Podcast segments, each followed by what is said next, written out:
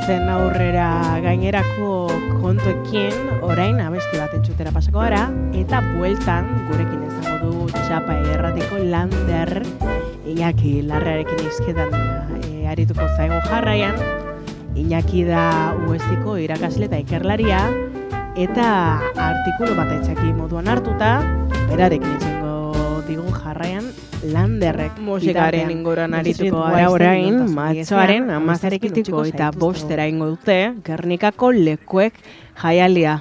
Olaia Intziarte, Kiko Veneno, Denis Alcapone, Lady Banana, Palomoa eta Wormet arituko dira, bestak beste, festivalaren amargarren aldian.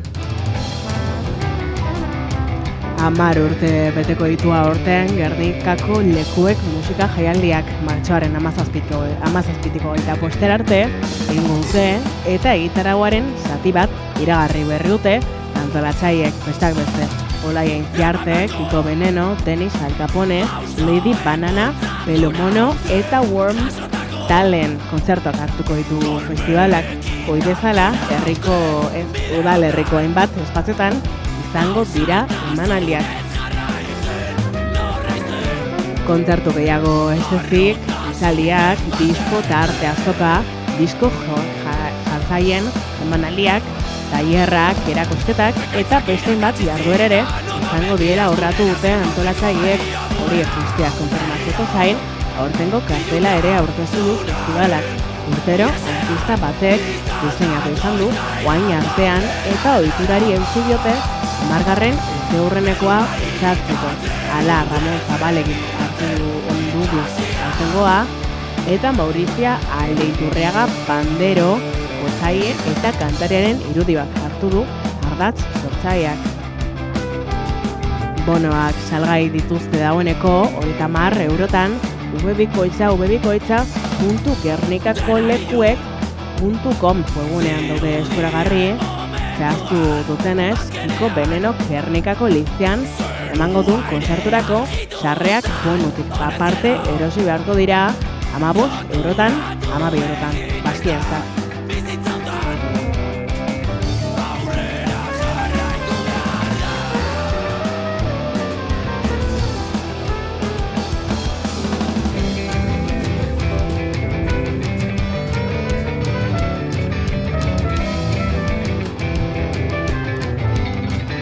gai aldatu zere, gaztentzako taier sorta bat antolatu dute, loraleak eta EHUk gazten artean. Euskal kulturaren transmisia sustatzeko asmoz, sormen hola programa abiatu dute, loraliak eta EHUk pardan zaiek. Formakuntza taierrak jasoko dituzte ian behin, sortzaile profesionalek idatuta. Larun batean nengo dute, lehenengo zaioa. Musika, literatura, artea, antzerkia, ikus intelektuak, dantza, pertsora itza, disiplina hogaretako profesionalak bilduko ditu dato zeria betetan, sormen hola programak, amaso eta emeretzi urte arteko gaztentzata, barkatu, emeretzi ez, amasei eta hogeita bederatzi urte arteko gaztentzata, Ian behin euskal kulturarekin lotura duen gai monografiko bat landuko dute, dorraldiak EHUk elkar lanean antolatu dute egitasmoa, eta gazten artean euskal kulturaren transmisioa gustatzea du zede. Laurun baten dute lehenengo zaioa, dantza garakidea zutraitatik, eta maiatzera bitarte beste lautaiar antolatu dituzte. Gaur goizean, orkestu dute proiektua, EHUren Bizkaia aretoan Bilbon. Ia zekin zion loraliak gazte egitasmoari, gazte zormenari, ere moa zabaltzeko asmoz abiatu zuten egitasmoa, amaia uzerin loralia jaialiko komunikazio arduraren arduratunaren hitzetan, sortzaile izan nahi duten gaztei plaza eta formakuntza eskaintzea da helburua eta asmorrekin antolatu dute oain sormenola EHUrekin elkarlanean. Berez, loraliak udan abiatuzun gazten formakuntza eta profesionalizazioa sustatzeko lan lerroetako bat, udako ola sormen egonalian goratu zuten lekeitian itza soinua irudia eta gorputza landu zituzten, bezak beste, eta zotzai profesionalek kidatu zituzten taier horiek haste beteko bitxanda izituzten, eta izandako harrera ikusita segida ematea, erabaki aurrak, irigintza eta errigintza izenburua jarri jatzun eh, artikuluai.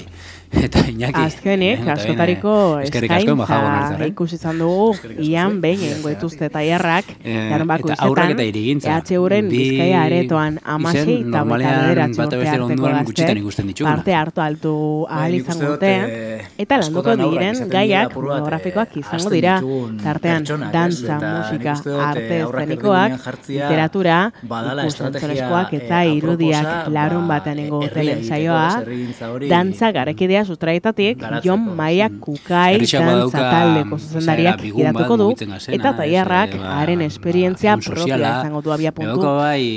Osea, haren emesortxean engute bigarrena, patxo toieria aktore eta zuzendaria arituko da irakasle lanetan eta sormena arte zeneketan tailerra emango du. teieriak udako laik ekinalian parte hartzeko aukera izan zuen eta posez gozatzen du han izandako esperientzia. Jendearen jarrera oso proaktiboa izan zan, gaztek, gazteko gogoan dia zuten, eta ikaragarri ondo pasatu genuen dramaturgia landu zuen orduan, eta oaingoan ere bide beretik jarraituko du dramaturgia zentzu akademikoan lantzen saiatu nintzen, eta oaingoan ere ala egingo dut karamelo txiki bada, ateak nolabait irekitzea barron zer daun erakusteko. Martxoaren hori eta postian, Joseba Zarrenandiaren eta Ioldi e, txanda izango da, literatura eta musika bakoitzaren dizipenak, datuko dituzte sola salian, eta osnaketarako bidea zabaleko dute. Eta bestelako antolaketa bat, eta bestelako irigintza bat iteko, bapur bat, ba, sementua, kotxia, Aperia berri zinema gintza zango dute izpide, Pau Lurkiko zinemagiak, usentzonezko garekideak tailerra bango ditu, parte hartzea. Aperiaren hogeita bederatzian haren esperientziatik abiatuta, Euskal zinema egungo egoera aukera izango dute, bertaratzen direnek. eta azkenik baiatzaren hogeita zaztian ego dute programako azken daierra sormena hitzetatik eta irudietatik miren amuriza bertsolari eta idazleak eta maia egidaztu idazle eta ilustrataileak parte dute eta joskintza taier definituko dute zela taldea antolatzaiek aurreatu dute sarrea doakoa izango dela EHUren bizkaiko kampusiko ikaslentzat gainerakoek berriz amabos eta hori gainera sustatu beharko dituzte saio bakoitzeko proposamena hortik doa, izena emateko epea zabalik dagoia da. Ba ondorio eh, argiak atara, ba, bestelako irigintza bat eta bestelako erregintza bat eh, iteko, ez? Claro, eh, idaztea erresa da. Praktikara eramatia da saioa eta erabaki, erabaki politiko dira. Hitza ematia, eh, ba, ba, aurre, ez? Aurre hitza ematia uste dut gaur egun dana dela erabaki politikoa, baina bai, bai, bai, dudabarik. E, horre behar ditugu, ba, ba, aurrei e, hitza emungo dutzien, e, ba, pertsonak, ez? Pertsonak eta esperientzia eta ikasi behar da, ze gauza da esate eta beste bada zela egiten duen, ez? Horre asko daukut desikasteko eta prozesutan ikasteko, bai. Bai, bai, dudabarik, danok, danok. Aipatzen beste gako bat, ez, eta e, ba, irigintzak lotuta da autonomia, ez. Guzti nahi ditugu, e, nahi dugu herriak, nahi ditugu auzoak, non gure semalabak modu autonomoan ibiliko dira de batetik bestera. Eta hori egiteko, ba, ba, esaguarri batzuk e, sustatu beharko dira. Bai, e, nik uste dut, e, autonomia, e, bueno, segurtasuna, e, mm. jakin daba, bueno, bestelako estimulua pegon behar diela, ez? E, segun, e, aurrek eskatzen dago, ez? Be, bai, beste, mm. bestelako hori, ez? Baina nik uste dut, badiela kontzeptu gakuak, ez? Eta e, gaur egun ikusten baditugu, ba, gure kaliak, gure iribideak zela dauzen antolatuta, ba, bereziki e, kotxiak hartzen dau, e, ba, gutxienez, e, errepide edo, edo, bueno, e, kale edo iribide hoien, e, bi eren, ez? Mm. Orduan ikuste dut bestelako antolako eta bat beharko litzakela, ba, bestelako mugikortasun ereduekin be, bat etorritza, ba, ba, aurrek eh, askatasunez eta autonomiaz e, mugitzu alizateko. Ez? Gare berbetan, aurrek mugitzeko, leku beraien e, oiko, ez? egoten din oiko lekutera joateko, ba, oinez, bizikletan edo patinetean e, joan alizateko, eta horretarako bideak sustatzia. Eta horretarako, e, ba, igual, urratx bat atzera emarko inoke guk helduok, eta gure kotxen erabileran, ez? Ba, duda barik. Eta hori nik uste dut alabe etorriko da, e, eta bueno, entzuten dira, poliki baina entzuten dira, olako pausuak, Ba, nik uste dut, e, ba, bueno, e, peatonalizazio e, prozesuak eman dira kale askotan, eta nik uste dut etorkizunean ondion gehiago, e, sakonduko dela bide, bide horretan. E, eredu izan beharko guinak, eta nik uste dut hor, badukula bai, beste urratxo emateko guk ez, gure heldu ikuspegitik, eta ba, bestelako oinezko mugikortasuna, bizileta mugikortasuna, artikulari ipatzen duzu ez, bueno, gure kulturalki ez dauko gula oitura hori, eta behitzen du askotan Holandara, edo ez, Amsterdameko bizikletan erabilera. Baina hori be prozesu bat izen zen, eta ba, guk berdin merko du. Bai, bai, bai, e, askotan esaten dugu, ez, ba, jo, eske Holandako kultura, mm. beste kultura bat da, baina, bueno, e, oindala mende bat, etzan holan. Mm -hmm. e, hor egon zan prozesu bat, eta hortik e, hartu ziren erabakiak, azpiegitura aldetik, e, e, sustatzen ziren e, politike de, politiketatik, ez, ba, horrek danak ekarri dau, e, ba, bestelako kultura bat, ez? Orduan ikusten kultura hori sortzeko eta garatzeko, ba, ba lana behar dela, ez? Mm. Bueno, e, partaidetza autonomia eta beste gako bat aipatzen duzuna dien topalekuak, ez? E, nun elkartzen gaz eta zertarako elkartzen gaz e, pertsonak herrietan eta hortarako ze, ze espazio duzkogu. Eta gure inguruan nabarmena da, ez? E, poteoan kulturako, taberna kulturako. Bai, bai, taberna eta alkolaren kultura. E, eta horre ere, ba, igual agian, eta oh, norberai ere gustatzen jako, ez? E, horretan ibiltzia, baina agian hausnartu beharko genuke, ez? E, horrekin be, e, ze sustatzen gabitzen, eta horrez gain be, ba, ze beste aukera egoleiken, e, ba hori, ez, topaleku horrek e, bihurtzeko, ez? E, askotan, bueno, bai, tabernak dira kultura, baina e, ba, egian kolektibo danek ere ez daukate sarbiderik e, taberna horietara, ez? Orduan, ze beste topaleku e, sortu daitezken irigintzatik, ez? Nik uste hori ere hausnarketa Irigintza ikuspegitik bai, eta topalekuta hitz egiten, emoten dau, e, darela herrietan, dauzkola herrietan, umientzako lekuak, e, nagusintzako lekuak, sarrentzako lekuak, Eta, e, karo, igual topaleku eta zitzen denean, adinez berdinetako eta generazioen arteko topaleku horrek be, e, topakatu beharko ginuzkit, eta hortako espazioak sortu. Bai, bai, duda barik. E, eta hor, ba, bueno, ez, askotan astutako kolektibuak, ez, ba, izan ez dakit, ez, ba, beste herri batetik edo beste herrialde batetik datozen e, pertsonak, e, nik uste hor, badagoela lan bat, ba, hori, ez, herrigintza ere sustatzeko, ez. Mm Bueno, eh, aipatzen beste gako bat, eta e, irigintzak initziten duenean, gero eta gehiago entzuten dela, ez? E, espazioen bernaturalizazioa, natura e, txertatzea gure egunerokotasunean, eta sedimentuari gutxinaka gutxinaka lekuak endu, eta natura e, ba, presenteago euki gure egunerokotasunean. Bai, nik uste dut hori ere badala, badala apur bat e, ba, sustatzen da bien e, bide bat, ez? E, gisa da, ba, adibidez, eskoletako patixotan, mm -hmm. eta ba, egin dala edo egiten e, dabitzela olako apustu bat, eta nik uste dut interesgarria dela, baina hori be edatu, edatu beharko litzake, ez? Eta nik uste dut hor, e, apur bat e, hori, ez? E, ba, gure kaleen konfigurazio horretan, lehen aipatutako hori, ez? Asfaltua, porlana, e, sementua, ez? Ba, ba poliki-poliki e, berdetzen e, joan beharko ginatekela, ez? Eta hor gainera ba larrialdi klimatikoaren e, ikuspegi horretatik ere ikusi, ikusita dago, frogatuta dago, ez? Ba, bero gehiagizko beroari erantzuteko ere badala estrategia bat, mm euria ere datorrela, ba bereziki zuaitzak dauden e, tokietatik, orduan ikuste dut hor badagoela lan bat ere ba, poliki poliki e, ba, berdetzen joateko, ez? Berdetzen joateaz gain eta ondo dago kitzea be legune berdeak herrietan baina mm, espazio berde hauek, zuaitza hauek, askotan e, ba, dekoratibo bezala jartzen ditu gure kaletan, ez? E, berda zapaltzeko, e, ikutzeko, e, aurrek berdan jolasteko espazioak. Horte betxe ba, aldaketa, aldaketa den beharko ginuke, ez, gure ikuspegian? Bai, bai, eta hor nik uste artikuluan ere e, aipatzen den beste, beste aukera bat be bada, ez? Alde batetik berdetze hori, baina berdetzeaz gain, berde edo naturgune hoietara ba, ba, bueno, ez, e, bide ematea eta apur bat e, pentsatzea ba, ba helduok behar dugula, ez? E, bai helduok eta bai umeok, e, umeek e, e, aukera, ez? Ba, ba experimentatzeko lokatzarekin, ostoekin, belarrarekin, harriekin, urarekin eta hor nik uste badaukagula lan bat, ez?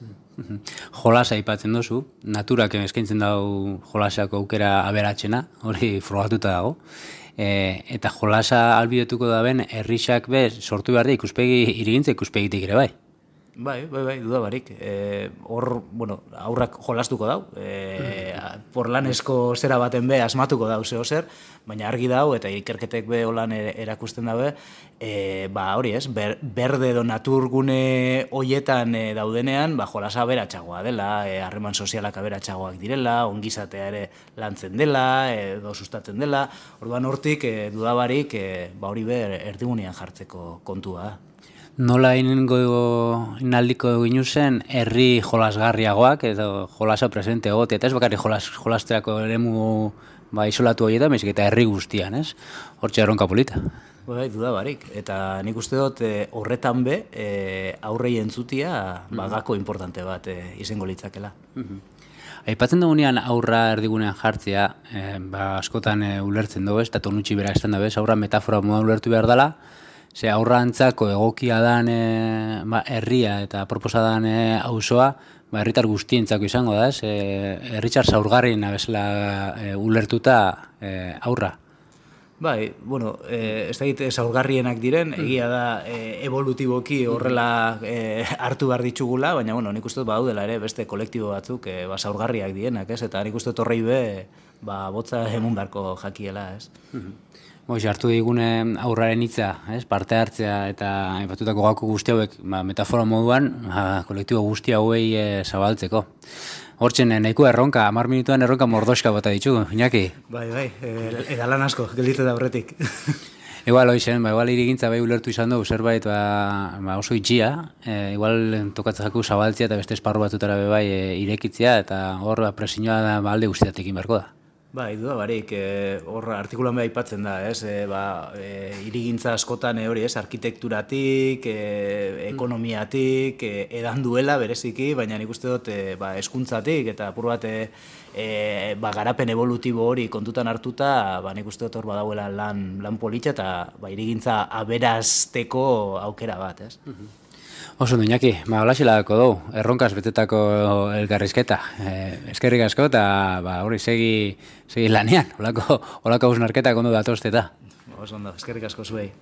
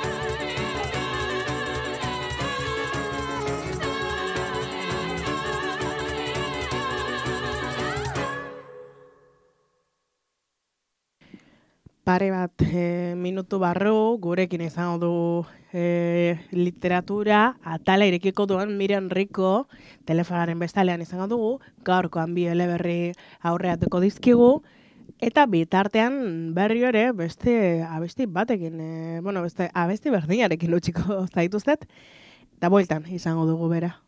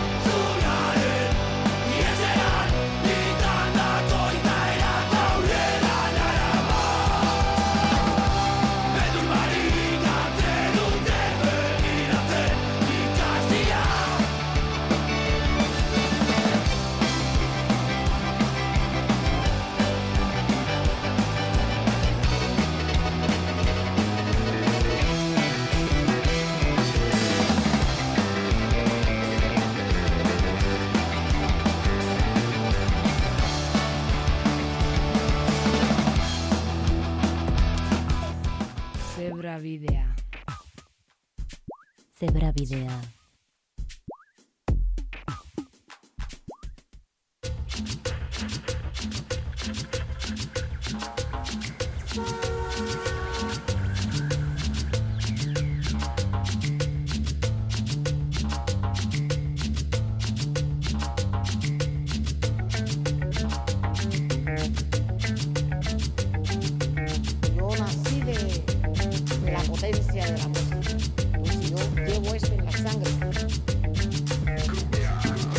Ezan bezala literatura tala irekiko du orain, eta bueno, gurekin dakau ya Miren Riko telefonaren bestalean. Kaixo, Miren, Arratxaleon?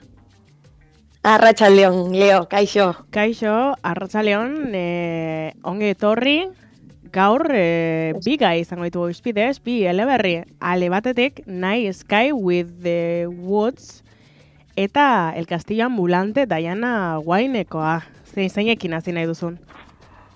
Ba, esango nizuke astea e, Ocean Bonen e, hori Night Sky with Exit Wounds izen buru luze luze horrekin ze, bueno, uste dut e, esan duzu moduan bi gailanduko ditugula e, arratsalde honetan hmm. bat e, lehenengoa Ocean Bonena baina kontu honetan e, za eleberria da poesia liburutxo bat hmm. eta e, bueno, e, uste dut gaur egun Ocean Bon idazle hau ezagunagoa izan daitekela, ze bueno, e, nik esan beharra dukat duela urte gutxi arte ez nuela ezagutzen idazle hau, eta ez nekiela ezer berari buruz, baino kaleratu zuen e, leberri bat e, deitzen dena, e, on Earth we are briefly gorgeous. Eta, bueno, e, e, itzuli zen gaztelaniara, nagra margitaletxeak e, itzuli zuen, en la tierra somos brevemente fugaces.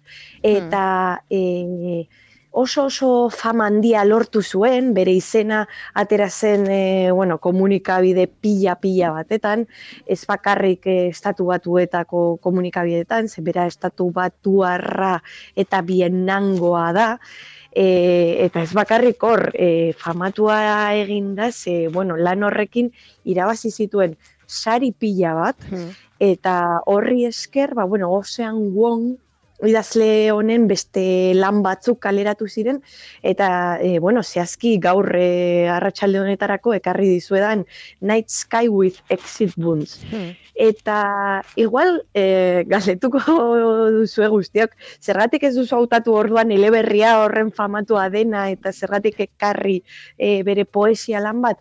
Ba bueno, ez ezagunagoa delako hmm. eta e, niretzat, bueno, azken, azkenean e, askotan hartzen ditugu eleberriak eta e, ba, zure saiora ia beti ekartzen ditute eleberriak eta esan dut, bueno, aldaketa bat urte berriarekin hmm. eta enkarreko dut poesia lan bat. Eta, bueno, pixkate girotzeko, e, ozean bon, e, esan duan moduan da, idazle oso oso gaztea, mila beratzen ondalaro gaita sortzian jaiotakoa e, saigonen, gaur egungo Vietnamgo Ho Chi Minh e, irian, baina ia txiki txikia zenetik ba, bi hmm. urte zituenean e, bere familiak emigratu zuen estatu batuetara. Orduan berak dauka e, nazionalitate bikoitza hori, Vietnamgoa eta estatu batuarra. Hmm. E, horregatik ere berak e, idazten du e, jatorrizko hizkuntzan ingelesean, eta horregatik e, bueno, e, izenburua ere ingeles ezago, oraindik e, poesia saiakera hau eza e, gaztelaniara ez da euskarara ere itzuli, orduan, bueno, ingeles ez ekarri dut. Eta, eh, esan bezala, ba, idazlea oso oso gaztea da, oso historio bitxia dauka, ze hori bi urterekin emigratu zuten estatu batuetara, eta, bueno, bere familian, gurasoek, eta aurretik e, aitona monek biennango guda e, bizi izan zuten. Eta badauka hor, biennango gudaren, ba, bueno, pixu hori, familiak kontatutakoa, eta eta bere lanean erabat presente dago Vietnamgo guda eta horrek sortu zituen ba, e, populazioan traumak hmm. eta e, ba, hori familien arteko ba, e, ba, doluak eta gabeziak eta bueno, trauma guzti horrekin ba, berak e, jaso izan du naiz eta berak bizi ez izan jaso izan du e, ahosko tik, ba, bere amak eta bere aitak eta bere aitora mone kontatutako e, ba, bizipen hori guztiak. Hmm. Orduan hori oso presente dago bere lanean. Eta beste bitxikeria bat da, a, bera dela bere familian lehena irakurtzen eta idazten dakiena. Hmm. Eta e, igual arraroa egiten zaigu hori. Hori, e, hori e, za horren, en, bere gurasoak ez dira horren e, nagusiak eta baina e, ba, bere familian gudak harrapatu izan zituen eta azkenean bera da bakarra bere familian e, hori e, irakurtzen eta eta idazten dakiena bere gurasoek mm. ezakite, aito namonek ere ez. Orduan, ba, berak hartu zuen eta bueno, egin ditu orain elkarrizketa asko, e, entzun daitezkenak eta irakurri daitezkenak, berak asko estimatzen du aukera hori euki izana eta ba, bueno, ikasketa batzuk egin izana eta aukera horrekin ba, bere lana izatea gaur egun idazlea izatea. Naiz eta bueno, e, bere lanean ere e, Nueva Yorkeko unibertsitatean ba, literatura eta batez ere poesia irakasten du gaur egun. Orduan, bueno, e, berak askotan kontatzen du, nola, ba, hori, e, jakin zuenean eta ikasi zuenean irakurtzen eta eta idazten ba, e, oso argi izan zuela idazlea izan nahi zuela egia da bere familian ba, bueno, bultzatu zutela e, enpresa munduan ikasketak egitera, baina utzi zituen, e, zuen e, e, ikasketa ekonomiko horiek ez zituen amaitu eta pasatu zen ja literatura ikastera eta hori izan da bere, bere ibilbidea. Eta bueno, baditu orain e, hiru lan kaleratua, bat gaur e, karri dudan e, poesia liburua, 2008an e, idatzitakoa, Gero 2019an e, eh, lehen aipatu dugun eleberri hori, On Earth We Are Briefly Gorgeous, eta azkena e, 2022an pasaren urtean kaleratu du bigarren poesia lan bat eta da Time is a Mother. Orduan, bueno, baditu hiru lan hoiek eta e, bueno, egia esan jaso ditu sari pila bat ja guztiengatik. Hmm. Orduan, bueno, e, kontuan e, hartu beharreko idazlea dugu eta ja lanera, bere e, poesia lan honetara salto eginez, bueno, e, san beharra dago oso oso lan e, polita dela, oso oso, bueno, e, poetikoa, oso lirikoa dela erabiltzen duen hizkuntza eta eta esan dudan moduan e, lan honetan oso presente dago Vietnamgo gerra eta mm. berak esaten du eta elkarrizketak ere topatu daitezke eta eta berak kontatzen du nik ez dut Vietnamgo gerra bizi. E, baina nire familiak bai, orduan nahi nuen e, ba, beraien historioetatik abiatuta nik e, bizi izango banu bezala kontatzea. Hmm. Ze berak kontatzen du lehenengo pertsonan, bera izango balitz, ba hori, Vietnamgo gerra bizi izan duen emakume edo soldadu bat. Orduan, e, berak hori egiten du, maisuki egiten du, erabiltzen duen hizkuntza da, era bat lirikoa eta benetan e, hori duela e, gutxi irakurri dudan liburua da, gelditu naiz erabatxun dituta, hmm. e, merezi du pila bat, ingelesa balima dakigu merezi du, eta itzulpenak egiten dituztenean seguru egingo dituztela, ze oso, oso idazle famatua bihurtu da, e, merezi du benetan irakurtzea ze e, erabiltzen hmm. dituen erreferentziak eta e, saldiak egiteko modua, incluso poemen itxura, itxura ja e, nola e, dauden idatzita paperean e, benetan ederra dela. Hmm. Eta hori da, e, bueno, ba, gaur egun poesiak badauka beste bultzada txiki bat eta aprobetxatu behar dugu poesia gehiago irakurtzeko. Hmm. Eta kasu honetan, Ba hori, e, Vietnamgo gerraz gain, berak ere beste gai potolo bat liburu honetan da homosexualitatea e, berak e, bueno, aitortu du hori homosexuala dela eta eta e, trauma asko bizi izan zituela bai aurtzaroan eta bai nera bezaroan eta berak e, liburuan kontatzen du zer nolako esperientziak bizi izan zituen, e, nola e, bera egon zela oso oso erreprimituta, bai familiak ezuelako eta batez ere bere aitak ezuelako onartzen e, bere homosexualitatea, eta nola ba, bueno, jasarpen, jasarpena jaso zuen, hmm. e, bueno, badaude eraso e, sexual batzuk liburuan ez oso modu esplizitoan, baina, e, bueno, asma dezake irakurleak zer gertatzen ari den, kasu batzuetan, eta are gogorrago bere familiako baitan, bere aitak, e, bueno, e, eragin zizkiola, e, bai erasoaldi e, sexualak, bai berbalak, eta, bueno, berak hori kontatzen du nola, ba, bueno, familiaren baitan e, zin zuen hori adierazi, e, bere inguruan ere e, zin zuen adierazi askatasunez bere homosexualitatea, eta nola jaso izan zituen e, ba, txikitatik e, horrelako e, erasoak, eta are larriagoa ba, familiako kide baten e, eskutik. Hmm e, hori alde batetik, eta gero bestetik bere amaren figura, e, bueno, gero eleberria irakurtzen duen edo nork e, konturatuko da, ba, eleberri hori bere amari e, ba, dedikatu izan ziola, bere amak ezak irakurtzen ez da idazten ere,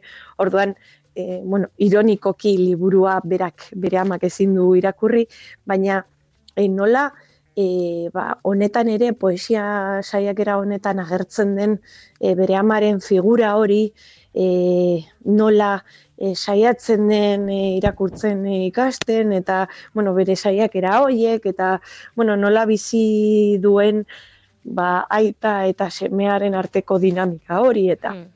Orduan dira gai nahiko potenteak, e, ere kontatzen du ozean bongek ba, bere lehenengo esperientzia e, gizonezkoekin, nola e, bizi izan zuen ba, hori lotxa hori eta beldurra eta bueno, e, azkenean bere e, trauma guztiak modu benetan e, iaia negarre egiteko modukoa, bai zentsu onerako eta txarrerako, e, ba, eragiten dio irakurleari eta bueno, e, ezagit ja nola gomendatu gehiago liburu hau ze benetan e, oso oso polita da eta gainera ja azken, e, azken punta da e, liburuan agertzen direla, bueno, batez ere izenburuetan eta referentzia batzuetan, ba, Homeroren e, ba, e, Iliadaren inguruko referentzia batzuk, mm. Danteren infernuarenak, Miltonen paradisu galduarenak,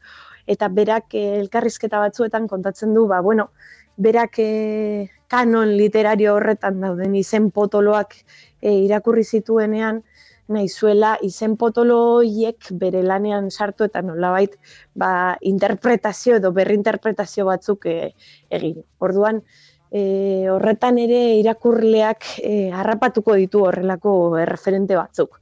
Orduan e, oso oso lan interesgarria da, bere beste lanak ere bai, osea kaleratu dituen hirurak, bi poesia lanak eta eleberria, eta, e, bueno, pista jarraitzeko moduko e, idazea dugu ozean buong hau. Hmm. Eta hori alde batetik, osea, eh, esan dute, egon e, naiteke hemen hiru orduz, hmm. e, ozean inguruan hitz egiten, baina, bueno, hmm. denbora mugatu dugu. Eta bestalde ere ekarri e, dizuet beste, beste lantxo bat, hmm. eta zu leo aipatu duzu hasieran el castillo ambulante. Bai ez, gaztelu e, Hmm. Bai, hori da, hori da. Igual jendeari oso ezagun egingo zaio ze, bueno, Hayao Miyazakik egin zuen pelikula, honi inguruan animazio pelikula bat, eta hmm. oso oso pelikula polita, bai. benetan, eta de oso gomendagarria Ghibli, estudio horren hmm. barruko beste bat, beste altxorre polit bat da, Eta bueno, eh, igual jendeak ezakiena da eh, ba, el castillo ambulante edo el castillo en el aire bi hoiek batez ere ba, Diane Wayne Johnson eh, liburuetan oinarritutako pelikulak direla. Orduan, eh, bueno, emakume hau, emakume ingelesa, ingelesa da, eta, eh, bueno, E, eza oso ezaguna egia esan, Londresen jaio zen mila beratzen ondagoita malauan, e, fantasia eta zientzia fikzioa e, idatzi izan ditu, eta hori e, bere lan nagusienak dira hau, e, el castillo ambulante eta el castillo en el aire eta la casa de los mil pasillos, eta e, egia esan, bueno, e, Hayao Miyazakik egin zion favore antzeko bat, e, pelikulak bihurtuz, baina azkenean Hayao Miyazakik igual lortu du fama gehiago berak baino. Orduan, bueno, alde batetik, e, bueno, favorea egin zion, baina bestetik e, kaltere bai. Baina, bueno, pelikulak ere oso, oso politak dira guztiak eta eta ikusteko merezi.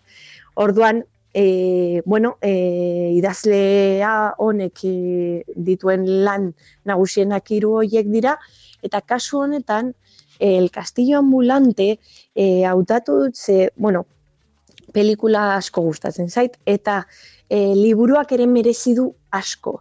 Ze hartzen ditu pertsonaia e, batzuen, ba, beste alderdi batzuk, igual pelikulan ez zirenak agertzen, oso oso ondo idatzita dago, oso entretenigarria da liburua, e, fantasiazko liburua da azkenean, eta e, kokatzen da ingari izeneko e, ba, bueno, lurralde e, fantastiko batean, eta hor e, badugu protagonista, Sophie Hatter izenekoa, ba hori, e, egun batean topatzen dela, ba, e, bueno, sorgin antzeko batekin, sorginak, e, ba hori, malifizio bat edo, e, aztikeria, e, ba, bueno, e, zigortxo bat e, sartzen dio Sofiri, eta bihurtzen du Sofi, ba, e, atxo zahar batean. Orduan, e, atxo zahar e, bihurtzen du eta Sofik e, ba hori, negarrez beteta eta e, tristura ez beteta e, bilatu behar du e, ba hori, aztekeria hori e, deusestatzeko ba, nola baiteko konponbidea. Eta konponbidea dago nola ez el castillo ambulante honekin e, gaztelu ibiltari honetan hmm. ba, e, hori izenak esaten duen moduan etxe gaztelu antzeko e, bat ramankulu ikaragarri handia da mugitzen dena, eta e, ba bueno, gidari duena Howl izeneko e, hori, e, asti bat, orduan e, azkenean e, haien ibilbidek Sofi eta Howlin ibilbidek topo egiten dute, eta e, bueno, historioa dago abenturaz beteta, eta baditugu ba, pertsonaia oso oso e, sanguratsuak hol bera e, ba, e, gizon esentriko hutsa eta bitxikeriaz betea dago, hmm. sofik sekulako bihotzona dauka eta e, bueno, alaitasun puntu hori ematen dio, edo badugu kalzifer izeneko ba, e, su txikitxo bat, benetan e, maitagarria dena eta eta e, berez ba, historiari nolabaiteko more puntu bat ematen diona eta mm. bueno, gaztelua bera ere e, izan dezakegu e, pertsona egisa, ze azkenean e, deskriba pena liburuan oso polita da, mm. benetan e, hori, e, bai irakurle helduentzat eta bai gazteentzat ere e, zuzendutako liburua izan daiteke gozatzeko eta arratsalde pare batzuetan irakurtzeko ez dauka horrela iztegi aldetik, edo ba, hori, zauka konplexutasun handirik, orduan e, da gozatzeko liburu bat, eta gero gainera pelikula ikusteko aukera ere badago, eta horrekin, ba, bueno, esperientzia borobildu e, dezakegu. Orduan, e, nik esango nuke kasu honetan merezi duela hau irakurtzea, ze hori, e, bueno, denbora pasa polita izan daiteke eta hmm. benetan ondo idatzita dagoen liburua liburua da eta bueno, gero Diane Wayne Jonesen beste liburu batzuk ere irakurtzeko aukera ematen du. E, guztiak daude Berenice argitaletxean. Orduan, e, bueno, hor dago e, gonbidapena, bai, hmm e, Ocean Bongel lana eta bai Diane Wayne Jonesena irakurtzeko. Hmm. Oso politak eta interesgarriak izan dira gomenduak beti bezala miren, eta bestetik ere hori poesia ere behitzarena beste ez? Igual beste motatako gomendiak ekartzagatik ere, gaurkoan? Bai, bai, azkenean, bueno, genero desberdinak literatura oso zabala da, orduan genero desberdinak ere irakurri behar ditugu, eta, e, bueno, niko e, benetan, e, gonbiapena egiten diote don hori, edo zein genero irakurtzeko. Mm. Eleberria, poesia, antzerkia, komikia, denetarik irakurri behar da, mm. eta... E, aukera nitza dagoenez, pues baten bat gustukoa izango da. Hmm. Orduan kasu honetan, pues bueno, eleberri abenturazko eleberri bat eta e, bueno, gai potoloak eta trauma eta homosexualitatea eta gerra lantzen dituen hmm. ba, poesia lamtxo bat. Bai, bai. Mia, mi esker, e, miren, honekin agurtuko zaitugu, arratsalde derra izan, okay. eskerrik asko. Bai, berdin, leo, arratsaldeon, bai. Gero arte. Gero arte, agur. Historia de, de Palenque, de Palenque. Donde la gente sale a la calle y muestra toda su alegría. alegría. Yo canto puya, chalupa, son de sexteto, a veces una cumbia, cumbia. La cumbia, la cumbia. Y para mí es una fiesta, una fiesta muy...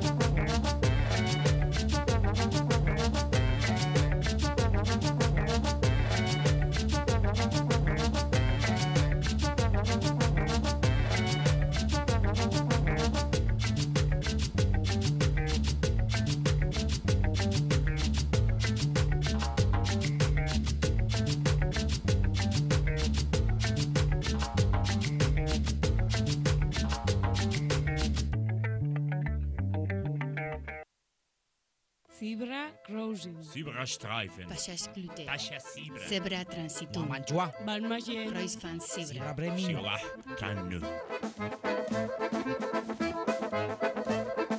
Bilabide leku berean elkartzeko. Zebra bidea. Astelenetik ostiralera. Arratzaldeko lauetatik seietara. Arrosa sareko zeuen irratietan. Pachas glute. Zebra zebra.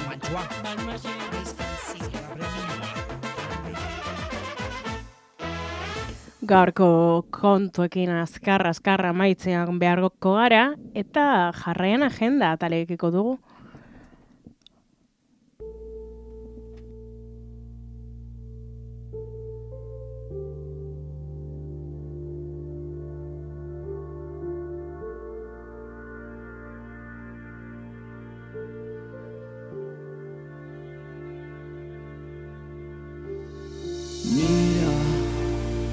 Desafiando la vida, esta vez sin herida. Pa' abajo y pa' arriba, pa' abajo y pa' arriba, hasta que sea de día. Gaurkoan gazte izen, arratsaleko zazpitarditan, printzipal antzokian, musika izango duzue, puntu kardinalak izeneko ikuskizuna, gazteizko musika bandaren fuego. Donostian gaurkoan ere musikarekin jarraituz, Victoria Eugenia Aretoan, Sara Per Arnaut eta Franco Cabarelli, Cavalleri, pianistak izango dituzue, Franz Schubert zikloaren barruan. Zungo shoki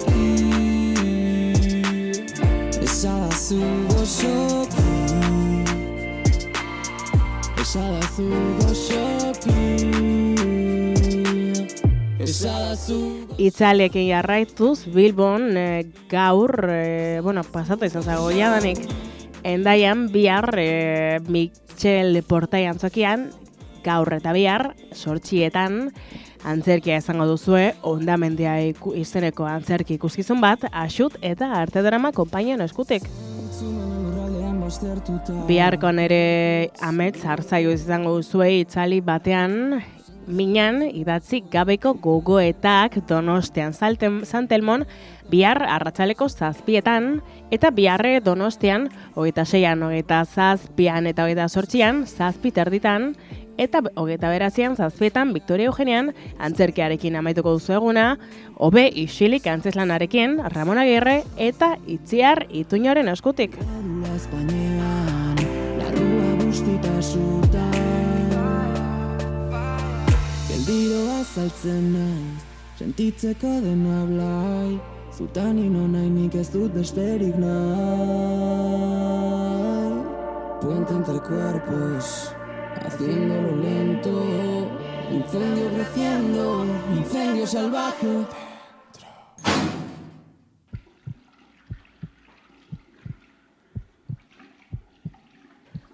Ezkerrek asko gurekin gaurkoan, zebrabidea gurutzatxagatik.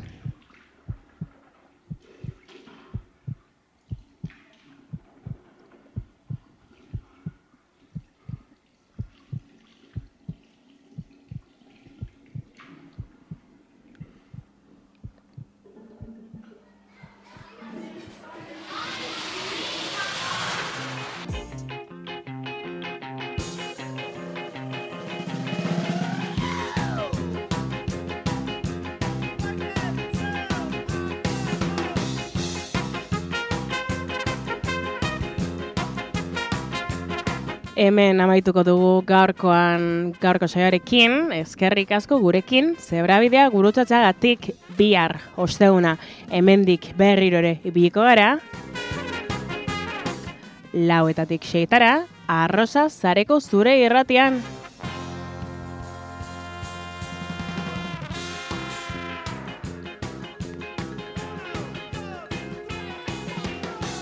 Audioak elkarrizketak eta askoz gehiago, arrosa sarea.eu webgunean entzun gai egongo dira, arratsalde ederra izan, eta bihar artea, aio pelaio!